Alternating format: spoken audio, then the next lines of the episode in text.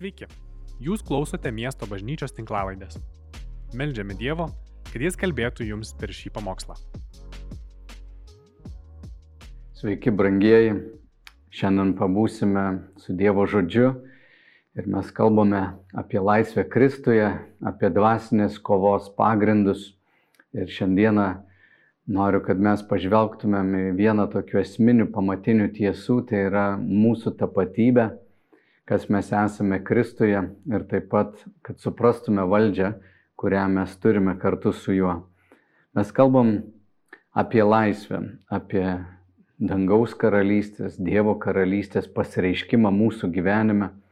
Ir, na, mum ta laisvė būti laisviems nuo savo aistrų ir geismų, nuo nuodėmės jėgos, nuo gėdos ir kalties yra vienas esminių dalykų, kaip mes galim mėgautis karalystę ir suprasti, na, kiek daug mums Dievo dovanota, suprasti tuos palaiminimus. Nes dvasinėje kovoje šetono strategija yra laikyti mus nežinioje, laikyti mus tokioj savianalizėje ir kad mes nuolat žiūrėtumėm į savo problemas ir savo nuodėmes ir nežinotumėm, kas mums yra dovanota, kiek daug yra Dievas padaręs ir kokią galę mes turime, kokią valdžią mes turime per jo šventąją dvasę, kad galėtume gyventi toje pažadėtoje laisvėje dangaus karalystės pasireiškime savo gyvenime. Aš prisimenu vieną istoriją, kurią girdėjau jau senai, gal prieš 20 ar 30 metų, apie žmogų, kuris na, susikrovė visas savo santaupas su mintimi išvažiuoti iš Europos į Ameriką ir už tas santaupas nusipirko biletą laivų keliauti į Ameriką ir ta kelionė apie keletą savaičių trukdavo. Jis nusipirko biletą, turėjo kažkiek tai pasiruošęs maisto, žodžiu, turėjo vietą, kur miegoti, dienas tiesiog leisdavo savo kambarėliais, neįdavo valgyti, neturėjo jisai net už ką nusipirkti valgyti. Ir jau kelionės pabaigoje jisai ant denio stovėdamas mėgavosi jau artėjančiais Amerikos krantais, sulaukė tos pažadėtosios žemės, su viltimi labai žvelgia į ateitį. Ir kapitonas jį sutiko ant denio ir sako, kas tu toks esi, kaip tu čia tavęs nemačiau visą tą kelionę, visus beveik žmonės pažįstu, niekad nebuvai restorane, jisai sako, nu, aš neturėjau pinigų, negalėjau eiti į tą restoraną, tiesiog sėdėjau, laukiau, valgiau savo susikrautą maistą. Ir kapitonas jam pasakė, betgi viskas yra įskaičiuota į bileto kainą tikrovė tokia, kartais gali tau būti labai daug pažadėta, galbūt už tave sumokėta, tu turi biletą, tu galėtum mėgautis na, Dievo meilę, galėtum mėgautis laisvę, bet šetonas nori mus įvesti vergyje, kad mes gyventumėm tarsi taip, kaip mes gyvenom na, prieš mūsų įtikėjimą, prieš tai, kai mes atėjome į jo karalystę ir buvom perkelti iš tamsos į šviesos karalystę. Taigi pažinti jį, pažinti, kas mes esame ir žinoti jo valdžią yra vieni svarbiausių dalykų dvasinėje kovoje. Pažvelkime į laišką kolosiečiams antrą skyrių. Praeitą savaitę aš minėjau vieną eilutę, noriu dabar didesnį ištrauką perskaityti. Apaštalas Paulius rašo, žiūrėkite, kad kas jūsų nepavergtų filosofija ar tuščia apgaulė, kuri remiasi žmonių tradicijomis ir pasaulio pradmenimis, o ne Kristumi. Jame kūniškai gyvena visa dievybės pilnatvė ir jūs esate tobuli jame, kuris yra kiekvienos kunigaikštystės ir valdžios galva. Jame jūs taip pat esate apipjaustyti ne rankomis atlikto apipjaustimu, bet kūno nuodėmių, kūniškumo nusirengimu, Kristaus apipjaustimu. Su juo palaidoti krikšte, kuriame jūs buvote ir prikelti, tikėdami Dievo jėga prikėlusio jį iš numirusių. Ir jūs, mirusius nusikaltimais ir jūsų kūno neapipjaustimu, jis atgaivino kartu su juo, atleisdamas visus nusikaltimus. jis ištrynė skolos raštą ir mus kalti, su mus kaltinančiais reikalavimais raštą, kuris buvo prieš mus ir panaikino jį prikaldamas prie kryžiaus. Jis nuginklavo kunigaikštystės bei valdžias ir viešai jas pažemino, triumfuodamas prieš jas ant kryžiaus.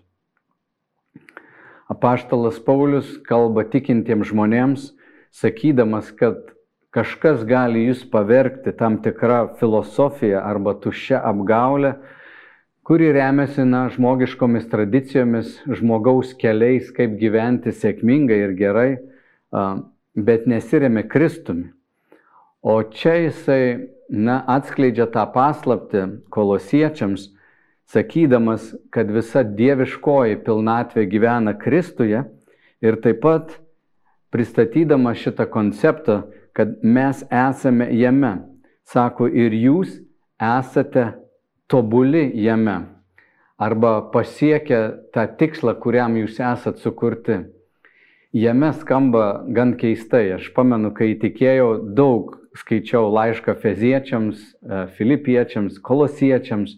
Ypatingai laiškė feziečiams Paulius vis sako, jame, jame, jame, jame. Ir taip keistai, na, aš negaliu būti, pavyzdžiui, savo uh, uh, kažkokiam drauge, aš negaliu būti mūsų uh, kokio, na, kitame žmoguje. Ir ką reiškia sakyti, kad aš esu Kristuje. Tai yra tikrai dvasinis liepinys, bet Jėzus meldėsi taip, jis sakė, tėve, kaip aš esu viena tavyje ir tu esi manyje, kaip mes esame viena, aš meldžiu, kad ir jie būtų viena mumyse. Ir laiškas romiečiams sako, kad Dievo meilė yra per šventąją dvasę išlieta į mūsų širdis. Dievo dvasia gyvena mumise. Mes esam atgimę iš šventosios dvasios ir mes esame Kristuje. Mes nesame praradę savosios tapatybės, bet Kristus, kuris gyvena mumise. Ir mes atsidūrėme toje vienybėje su Kristumi ir visa, kas atsitiko su Kristumi, atsitinka ir su mumis. Ir jis čia sako, kad Kristus yra e, kiekvienos kunigaikštystės ir valdžios galva, jis yra aukščiau visko. Šitoj visatoj, virš visų karalių, virš visų žemiškųjų institucijų, valdžių, Kristus yra aukščiau, bet dar daugiau virš visų dvasinių jėgų, virš visų angelų ir piktojo jėgų, jis irgi yra aukščiau ir mes esame jame.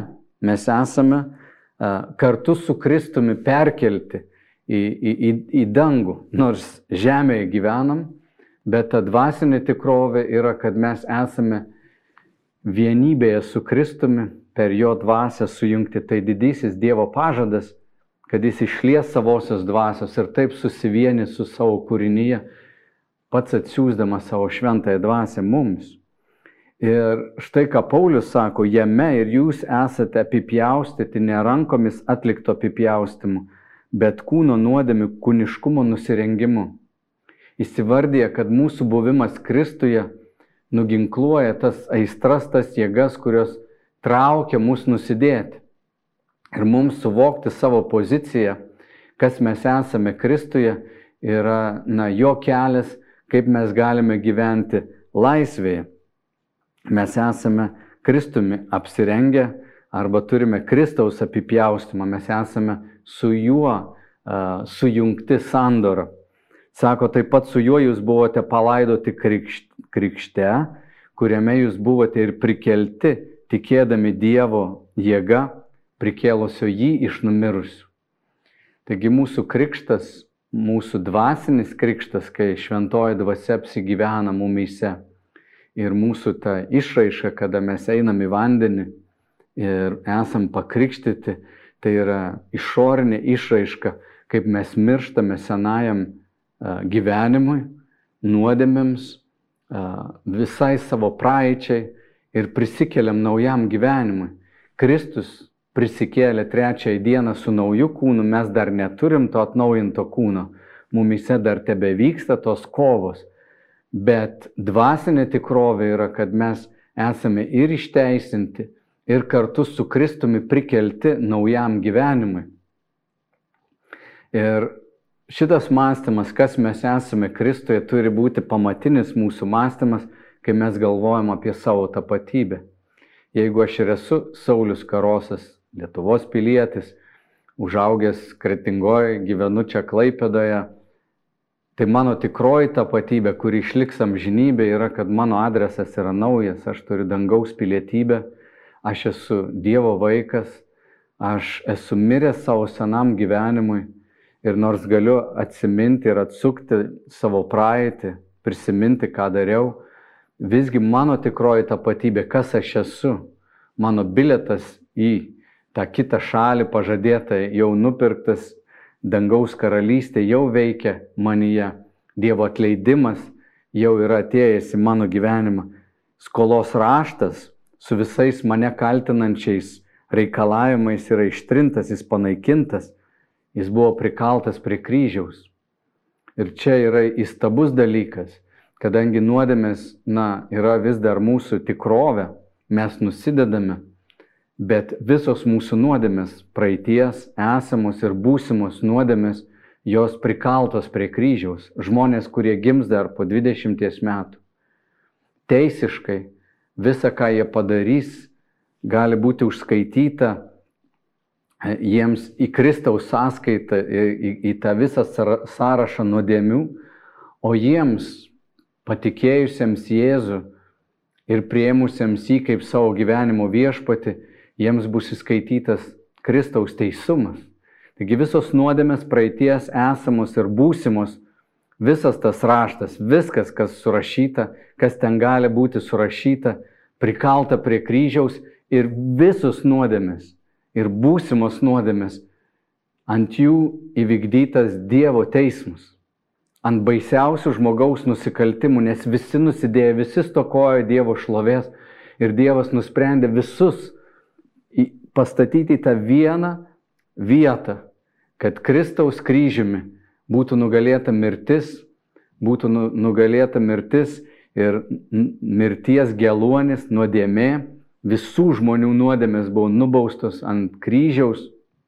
Ir šiandien Dievas gali išreikšti savo palankumą, gerumą ir meilę mums, nes visa tai, kas mus kaltino, kas kada nors galės mus apkaltinti, buvo prikalta ant kryžiaus ir šitas raštas panaikintas. Ir čia pasakyta, kad jis nuginklavo kunigaikštystės bei valdžias ir viešai jas pažemino, triumfuodamas prieš jas ant kryžiaus. Taigi kryžius tapo mums pergalės vieta, nes ten yra įvykdytas didysis perkeitimas, pas, didieji mainai, mūsų nuodėmės, mūsų kaltės priimtos Jėzaus, o mums teikiamas Jėzaus Kristaus teisumas. Ir tai yra taip svarbu, nes tai nuginkluoja šetoną, kuris ateina ir sako, žiūrėk tavo nuodėmė, žiūrėk čia tas ir tas ir anas, pažiūrėk, tu esi niekam tikęs, Tavęs tėvai nemylėjo ir tu niekam tikės ir tėvui, Dievui tu negali patikti. Nėra įmanoma, kad Dievas tave mylėtų. Kaip tokį mylėti tavęs, nei žmonės nemyli, nieks tavęs nemyli.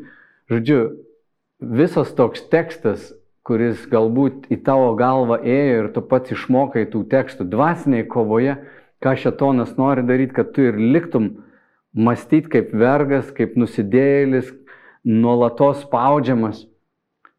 O kas išveda mus iš šitų mūsų geismų, iš tų nuodėmių ir iš kalties ir iš gėdos, yra ne mūsų pačių darbai, ne mes savo, na, tobulų elgesių kažkokiu būdu galim pasistumėti prieki Dievo akivaizdai.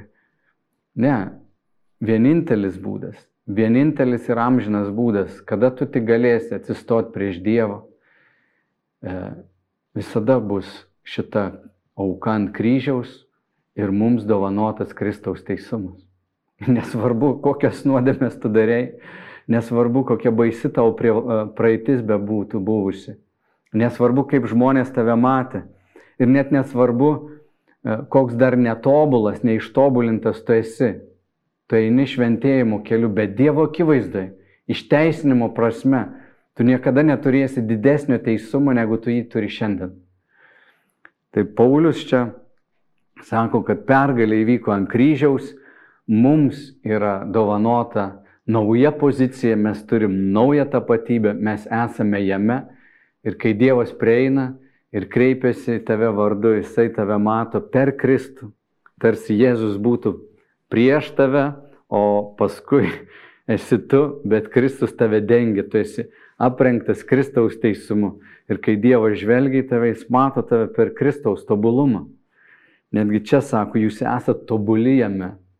Tai mūsų kūnas, kuris šiandien vis dar pasiduoda įstroms ir, ir vyksta tos kovos, yra viena dalis tikrovės, bet pagrindinė tikrovė - kūnas, kuris bus irgi sunaikintas, kuris numirs, e, jis praeis, bet kas mes iš tikrųjų esame Kristuje, tai yra šiandien ir tai išliks ateityje.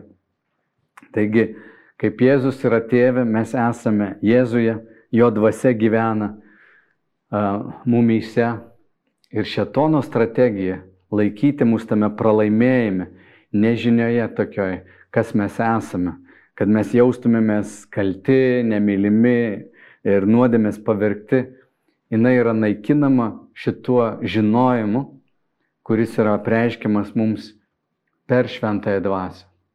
Nes šitonas ir neturi kitų ginklų, kaip tik tais nešti mums per nuodėmę, per gundimą, per kaltinimą, įvesti mus į tą senąją tapatybę, įrodyti, kas mes tokie buvome ir įrodinėti, kad mes tokie ir tebe esame ir nieks čia nepasikeitė ir tu nesi toks, nei toks mylimas, nei toks primtinas. Žodžiu, greuškis, muškis į krūtinę, sakyk, aš kaltas, kaltas, kaltas ir kad tu nepajudėtum į priekį, kad tu negyventum toj pergalį ir nežinotum, kas tau yra Dievo dovanota. Tai jis nori padaryti.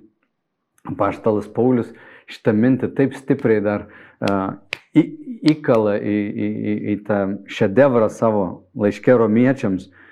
Jisai sako, tai ką dėl viso šito pasakysim, jei Dievas už mus, tai kasgi prieš mus?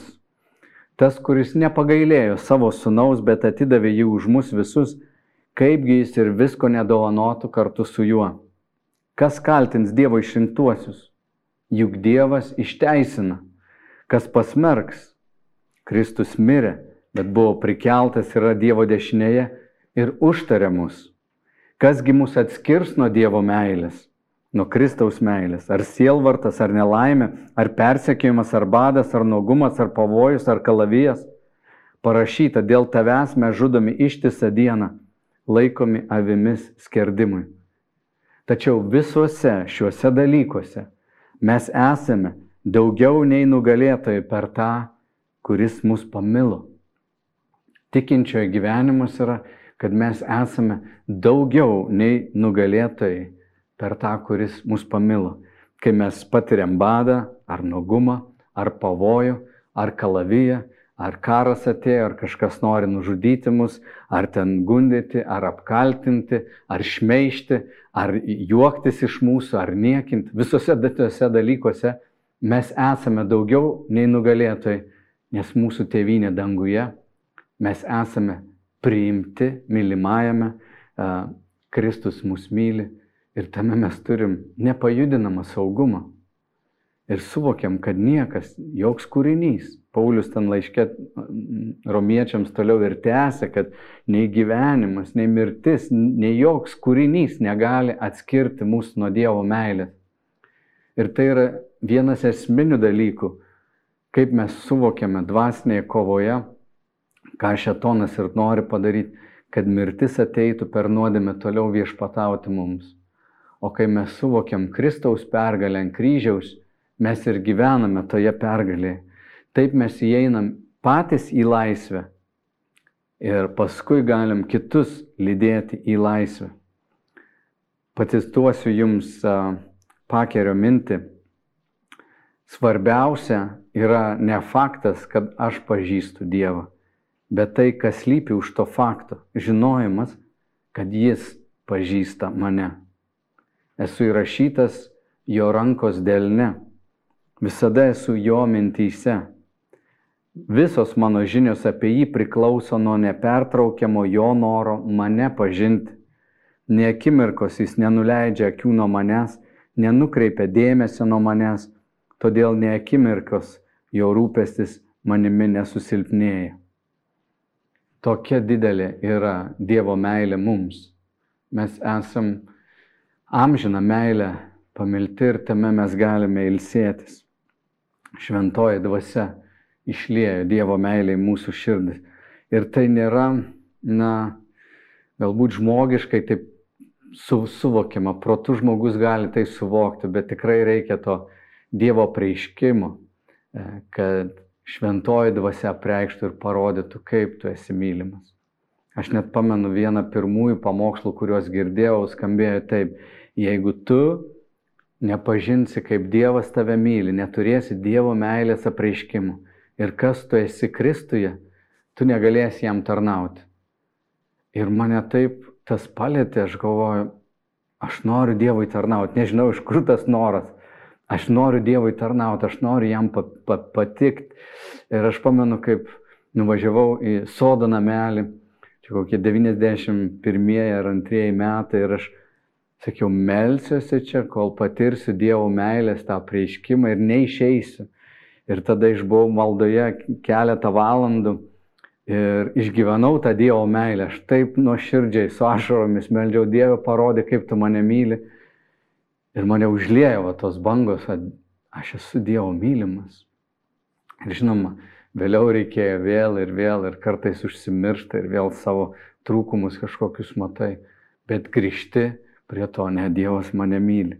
Ir ta tapatybė, kad aš esu Kristuje, ta tavo nauja tapatybė, tu nebesi ten Asta ar, ar, ar, ar Jonas, ar, ar ten Tadas, ar, ar Darius, tu esi visa tai, bet labiausiai tu esi Dievo mylimas sunus, kuris niekada nebus atskirtas nuo Dievo, tu esi jo saugomas ir kai tu suvoki, kokia ta Dievo, dievo meilė yra didelė ir kad visa skola, skola tavo nurašyta, kad nebėra problemos paprašyti atleidimo, kai supranti, kad atleidimas, Dievo palankumas yra dovanojamas tau, tai yra malonė, už kurią tu niekada negalėsi sumokėti, ateina nauja drąsa, ateina iškumas viltis, ir ateina noras nebegyventi tamsoje.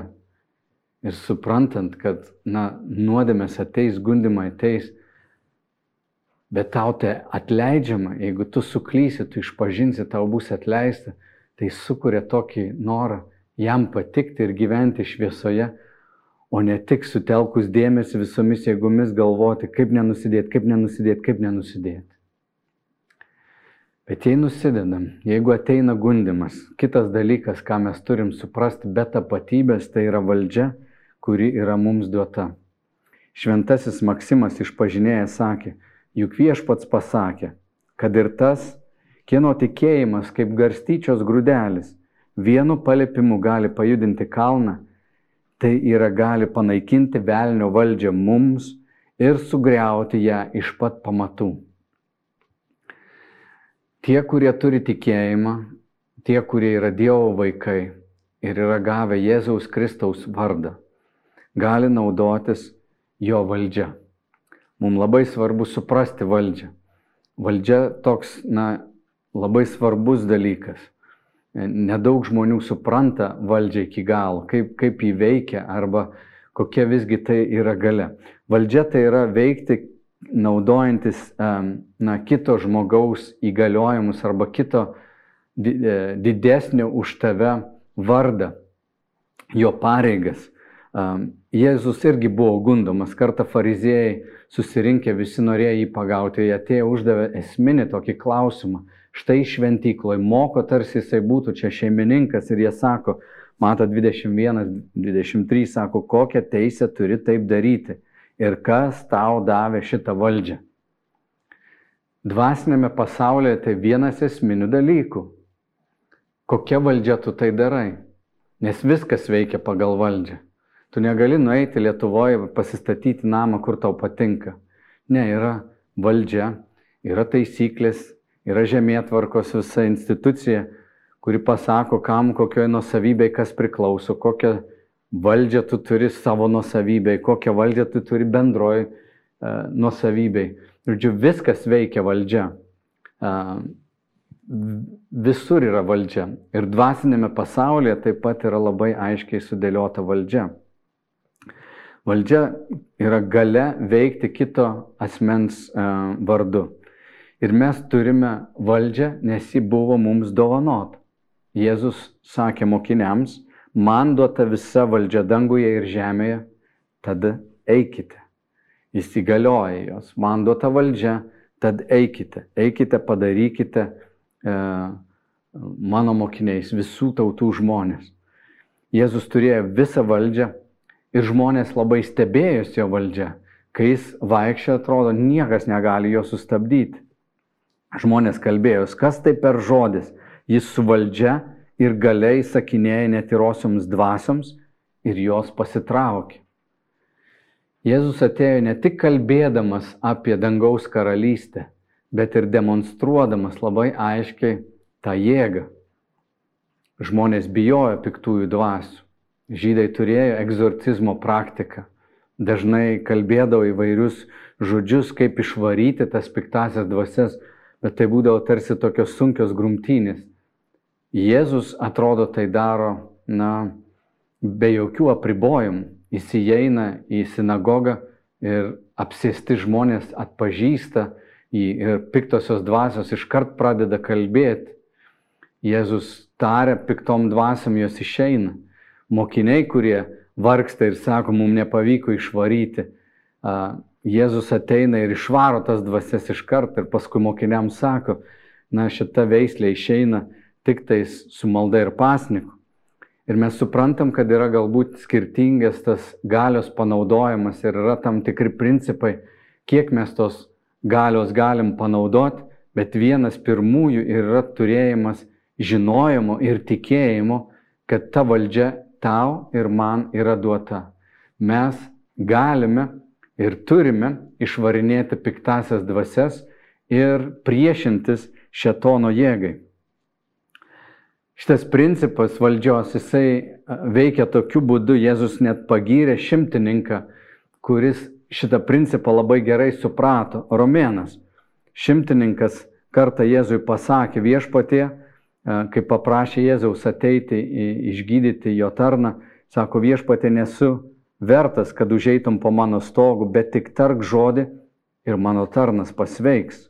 Juk ir aš, būdamas valdinys, turiu savo pavaldžių kareivių, sakau vienam eik ir jis eina, sakau kitam ateik ir jis ateina, sakau tarnui daryk tai ir jis daro. Tai girdėdamas Jėzus stebėjosi ir kalbėjo einantiems iš paskos, iš tiesų sakau jums, net Izraelyje neradau tokio tikėjimo. Šimtininkas suprato valdžios principą, kad yra galios, uh, kurios yra tarsi nematomos. Jis turi įgaliojimą iš galbūt savo ten legiono vadovo, kaip šimtininkas prižiūrėti šimtą kareivių. Ir tiems kareiviams jisai sako, eik padaryk tai. Ir jis eina. Pats šimtininkas nieko nedaro. Jis tiesiog turi ant jo uždėtą valdžią, jis neša atsakomybę už tai, kas vyksta tarp šimto kareivių Ir bet kuriam iš šimtui kareivių jisai gali pasakyti, eik ir daryk tai. Ir toks jausmas, kad šitas šimtininkas gan atsipalaidavęs. Jisai ateina pas Jėzų paprašyti vieno dalyko, kad Jėzus tartų žodį. Jis sako, Jėzau, nesivargink, tugi turi visą galę. Jis supranta, kad Jėzus turi galę, jis turi valdžią. Ir jeigu tik jis tar žodį, Jeigu tas tarnas yra varginamas piktosios dvasios, jam net nereikia fiziškai ten būti ir ta piktoji dvasia pasitrauks. Šita išvalga, šitas suvokimas Jėzų nustebino ir jis kitiems sako, pažiūrėkit, koks tikėjimas. Jis supranta šitą principą ir žino dar, kas aš esu, kokią valdžią aš turiu. Tai dvasinėje kovoje tu ir aš mes galime būti kaip šimtininkas.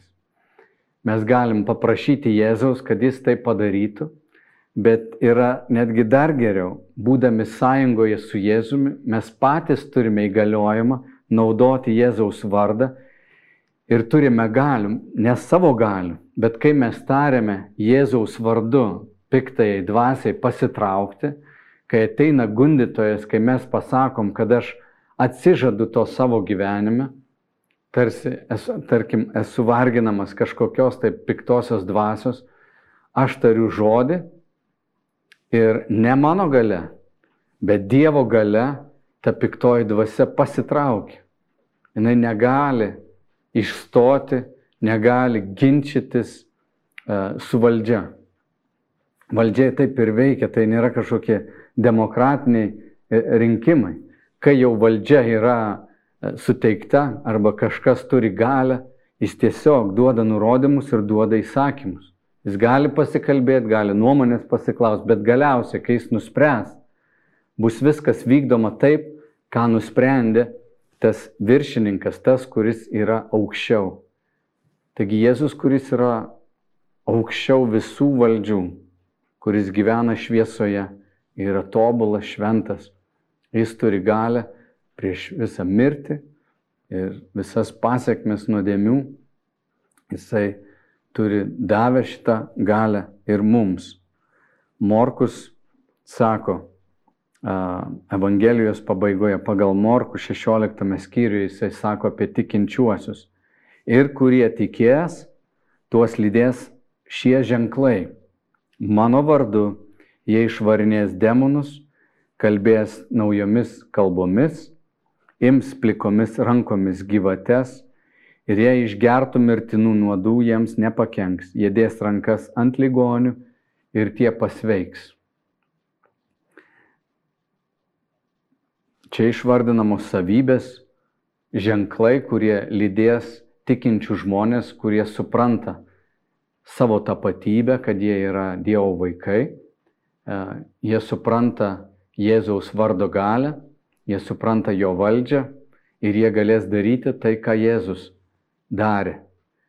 Savo mokiniams jisai sakė, kad tie, kurie juo tikės, galės daryti dar didesnių dalykų, negu jis darė. Taigi,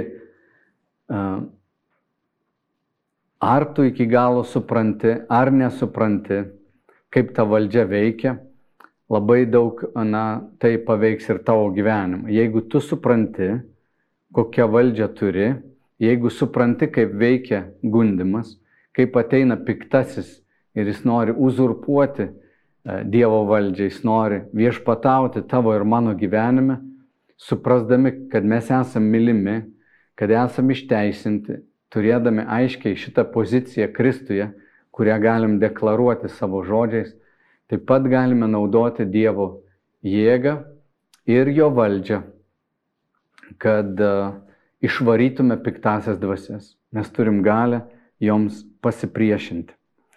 Vienas iš dalykų, kuris gali mums trukdyti išvaryti piktasias dvasias, tai yra mūsų pačių širdyje pritarimas kažkokiai tai nuodėmiai. Mes negalim išvarinėti velnio žodžiais, o širdimi leisti jam pasilikti. Demonai neišeis, jeigu lūpomis sakysim lauk, o širdimi sakysim pasilik. Taigi mes būdami šalia Jėzaus įgyjam jo valdžią prieš velnę, bet neturim teisės na, tikėtis, kad velnės pasitrauks iš ten, kur jis yra laukiamas.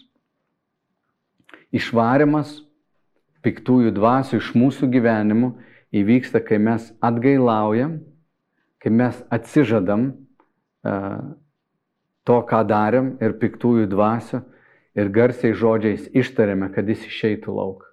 Mums labai svarbu sakyti tai garsiai, nes mes iš tikrųjų ne tik atliekame kažkokį ritualą, mes kalbamės su demonais, mes kalbamės su dvasiomis, kurios yra nematomos, neturi fizinio kūno, Bet kai mes liepiame kažkokiai dvasiai išeiti, mes kalbamės su konkrečia dvasia, kurią galim atpažinti, įvardinti, patys atsižadėti jos ir išvaryti ją iš savo gyvenimo.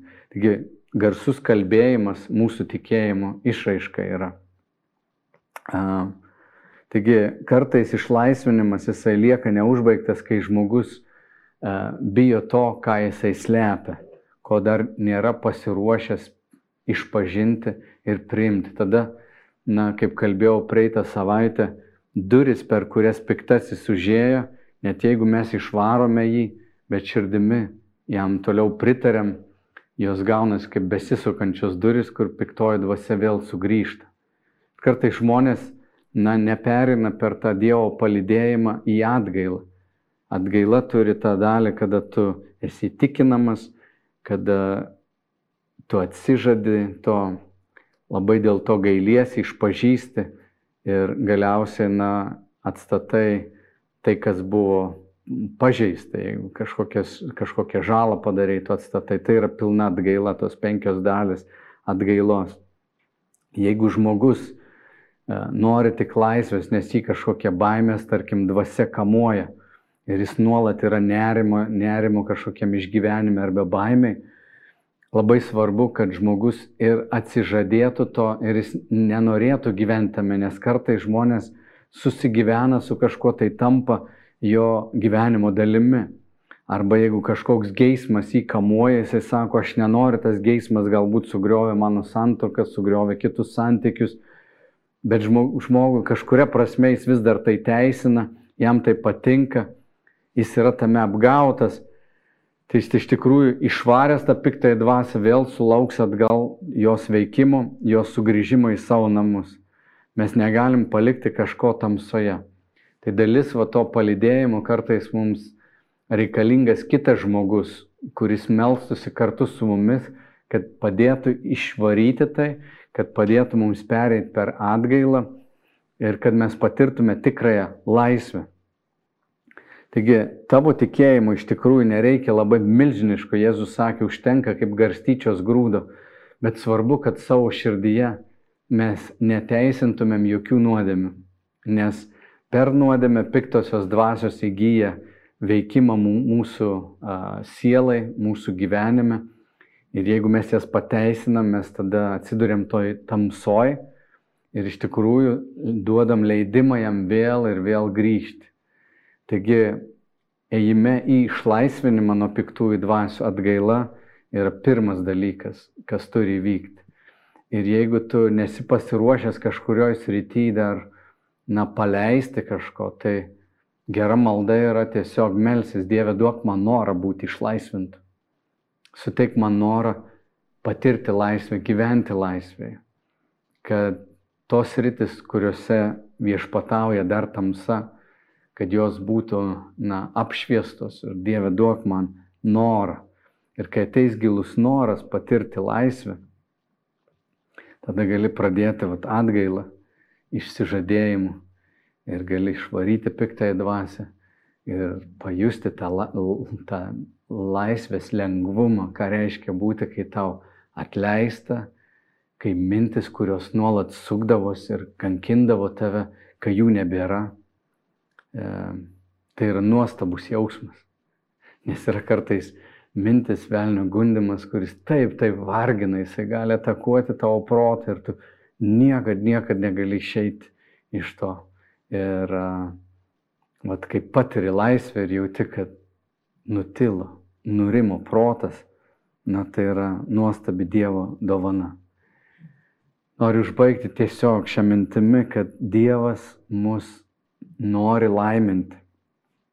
Laiškė feziečiams paštalas Paulius išreiškia visą dėkingumą, koks yra kokia yra Dievo intencija. Jisai sako, te būna palaimintas Dievas, mūsų viešpaties Jėzaus Kristaus tėvas, kuris palaimino mus Kristuje visais dvasiniais palaiminimais danguje. Mus išrinkdamas jame prieš pasaulio sutverimą, kad būtume šventi ir nekalti meilę jo akivaizdoje. Geros valios nutarimu jis iš anksto paskyrė mus įsūnyti per Jėzų Kristų jo malonė šlovės gyriui, kurie padarė mus priimtinus mylima, mylimajame. Taigi Dievo intencija tau ir man yra, kad mes būtumėm palaiminti, kad gyventume laisvėje, įsitvirtinę savo tapatybę, kas mes jame esame ir naudodami valdžią ten, kur šetonas gundo mus, ten, kuris ateina mūsų sužeisti, pavergti laikyti mus nežinioje. Taigi šventoji dvasia mes melžiam, kad tai, kas skaitėme tavo žodėje, tuos pažadus, kas mes esame tavyje, kad esame mylimi, kad esame primti. Aš meldžiu šventoji dvasia dabar. Te tau paguoda ateina į kiekvieno širdį. Te mąstymo būdas būna perkeistas apie nuolatinį apmąstymą šių tiesų, kuriuose mes pabuvom ką tik pusvalandį. Dieve, kad tai taptų kiekvieno, kuris girdi šią žinę, mąstymo dalimi, kad jie yra primti, mylimi, išteisinti ir kad tu viešpatie niekada nebekaltinsi savo išrinktųjų vaikų. Ir aš meldžiu viešpatie, kad tu parodytum šetono strategiją laikyti mus nežinioje, laikyti mus vergystėje per nuodėmę, per kaltę, per gėdos jausmą. Meldžiu viešpatie, kad tai būtų atpažinta ir meldžiu, kad kiekvienas mano brolis, sesė atsižadėtų tų dalykų, kurie ateina iš piktojo, kurie neša tamsą ir vergystę ir patirtų tavoje laisvę ir naudotų su visa tavo gale, naudotų Jėzaus Kristaus valdžią, išvaryti piktą iš savo gyvenimo, kad galėtų mėgautis tavo laisvę. Viešpatėte tavo malonė ir tavo gailestingumas būna su visais. Per Kristų Jėzų mūsų viešpati melžiam. Amen. Ačiū, kad klausėte. Daugiau informacijos rasite mūsų svetainėje miestobažnyčia.lt arba Facebook, Instagram ir YouTube paskiruose.